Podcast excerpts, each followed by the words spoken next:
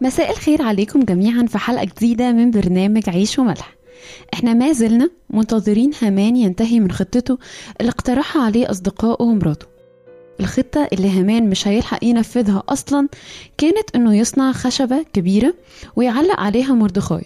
وده بسبب إن هامان كان بيعتبر إن مردخاي ده بمثابة عقبة كبيرة جدا في طريق نجاحه وفرحته بالسلطة والمنصب العظيم وما إلى ذلك. استكمالا لهذه الأحداث بنتفاجئ بعثور الملك على معلومة مهمة جدا. في الحقيقة المعلومة دي كانت مش في صالح هامان وخطته إطلاقا بس كانت في صالح مردخاي جدا. المعلومة هي إن مردخاي هو اللي كشف أمر خادمين كانوا بيدبروا لإغتيال الملك نفسه. فكان من الطبيعي جدا إن الملك تكريما لمردخاي يعني إنه يؤمر بأن مردخاي يرتدي ثيابا ملكية ويركب حصان يتجول به في ساحات المدينة. بس تفتكروا الملك طلب من مين إنه يكرم مردخاي هذا التكريم العظيم؟ الملك طلب كده من هامان. نعم هامان. يعني هامان اللي كان بيسعى إنه يعلق مردخاي على خشبة انتقاما منه. بقى فجأة أصبح مطالب إنه يكرمه؟ أيوه. تفتكروا كان إيه شعور هامان في الوقت ده؟ بعد ما خطته دمرت تماما. بصراحة أنا يعني قريت الإصحاح السادس ده كذا مرة بس كل مرة كنت برجع عند شعور هامان ده كده وأتوقف لحظات. الإنجيل بيقول أما هامان فقد عاد مسرعا إلى بيته وهو يشعر باليأس والخزي. هامان ما كانش محبط أو شاعر بضيق ما كده شوية وخلاص لأ. هامان كان يائس تماما. بس هو فضل مستسلم ليأسه هذا دون أن يخطو خطوة واحدة. لحد ما الملك عرف بالقرار اللي اتخذه هامان قبل كده إنه يتم قتل جميع اليهود بما فيهم أستير ومردخاي أكيد. فبيقرر الملك القرار التالي أن يعلق هامان على خشبة ويقتل عليها.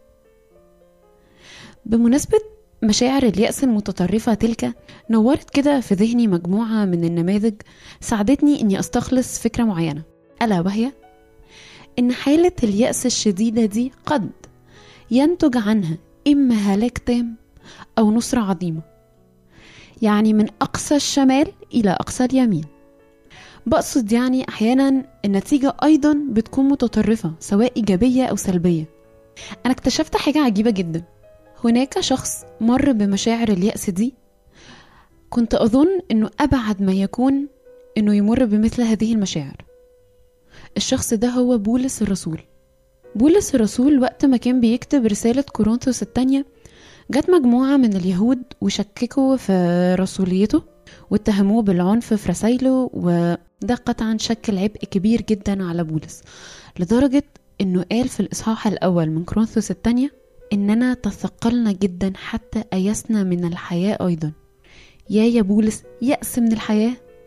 بس المفاجأة الأكبر بالنسبة لي كانت إني لقيت بولس كاتب في الإصحاح التاني من نفس الرسالة شكرا لله الذي يقودنا في موكب نصرته في المسيح كل حين. إيه يا بولس ده إزاي بتتكلم في الإصحاح الأول عن اليأس والثقل بتاع الكآبة والحزن؟ وفي الإصحاح التاني بتتكلم عن النصرة والمشاعر العظيمة دي. ها هو بولس في الإصحاح التاني بيوضح لنا ليه النتيجة لحالة اليأس اللي كان بيمر بيها كانت نتيجة إيجابية وفيها انتصارات ومجد. علشان هو في موكب المسيح هو مستند على صخرة أكثر قوة من أي حالة يأس. هو أنظاره ما زالت موجهة على المسيح. حتى وهو شاعر بيأس ومثقل بكآبة وحزن وهموم وضغوطات وما إلى ذلك. لو جينا كده نلقي نظرة سريعة على قصة يهوذا وتسليمه للمسيح هنلاقي إن نتيجة حالة اليأس اللي مر بيها يهوذا كانت نتيجة ضخمة ومتطرفة جدا بقصد انتحاره طبعا. يهوذا اتحبس في سجن اليأس اللي هو خلقه. إذا لنسلط الأضواء على افتراضين. الأول هو إن على قد ما بتكون ضخامة وشدة حالة اليأس بتكون النهاية مؤسفة زي ما شفنا مع هامان ويهوذا. مثلا الافتراض التاني هو إن على قد ما بتكون ضخامة وشدة حالة اليأس بتكون النهاية نهاية مجد ونصرة زي ما شفنا مع بولس الرسول. على فكرة أنا الافتراض التاني ده ساعدني أستخلص فكرة معينة كده اسمحولي أشارككم بيها. إن اليأس والثقل ممكن يكونوا بمثابة نقلة محورية في حياتنا نقلة إيجابية. لكن تلك النقلة لن تحدث حتى نختار. نختار إننا نشرك ربنا حالة اليأس اللي بنمر بيها. نقول له لقد أيسنا حقا. لقد أيسنا من الاعتماد الكلي على قدراتنا يا رب. أيسنا من إقصائك تماما من المشهد. إحنا بندعوك يا رب. ريم بنا ده اسم لمغنية مبدعة. بصراحة هي الأقرب إلى قلبي في عالم الموسيقى بشكل عام. هي مغنية فلسطينية بتقدم أغاني وترانيم وأغاني أطفال. فنها ذو طابع إنساني خاص كده بيمزج ما بين الجمال والمقاومة. ريم بنا في وسط مشوارها الفني اكتشفت إنها أصيبت بمرض السرطان. كملت مشوارها وده ازداد فنها مقاومة. بس في يوم فوجئنا بخبر إن ريم أصيبت بشلل في الوتر اليساري وده أثر على عصب صوتها ومنعها من الغناء تماما. أعتقد إن أي حد منطقي هيجي يقول الآن اكتملت كل عناصر اليأس من الحياة بالنسبة لريم بنا. لكن في الحقيقة موقفها كان واضح جدا.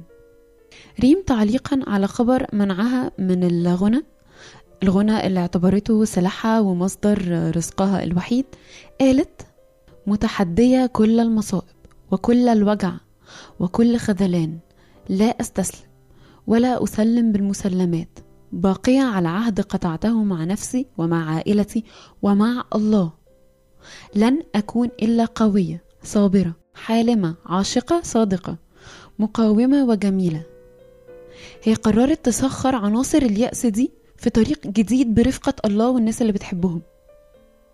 حابة أختم بنص آيتين في مزمور 73 بيجسدوا فكرة إزاي اليأس النموذجي ممكن ننتقل بيه من أقصى الشمال إلى أقصى اليمين.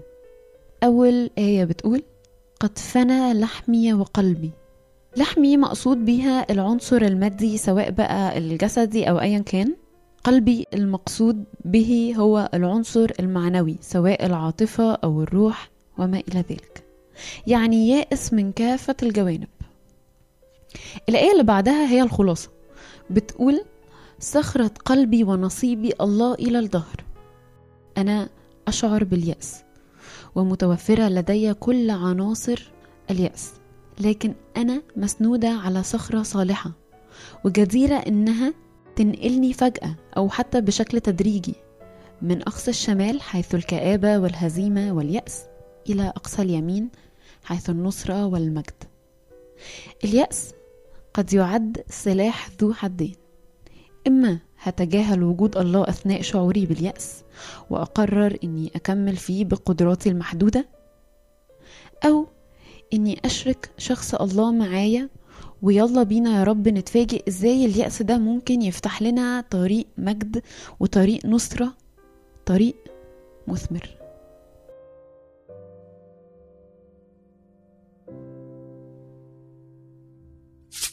راديو ملاح. دي دنيا تا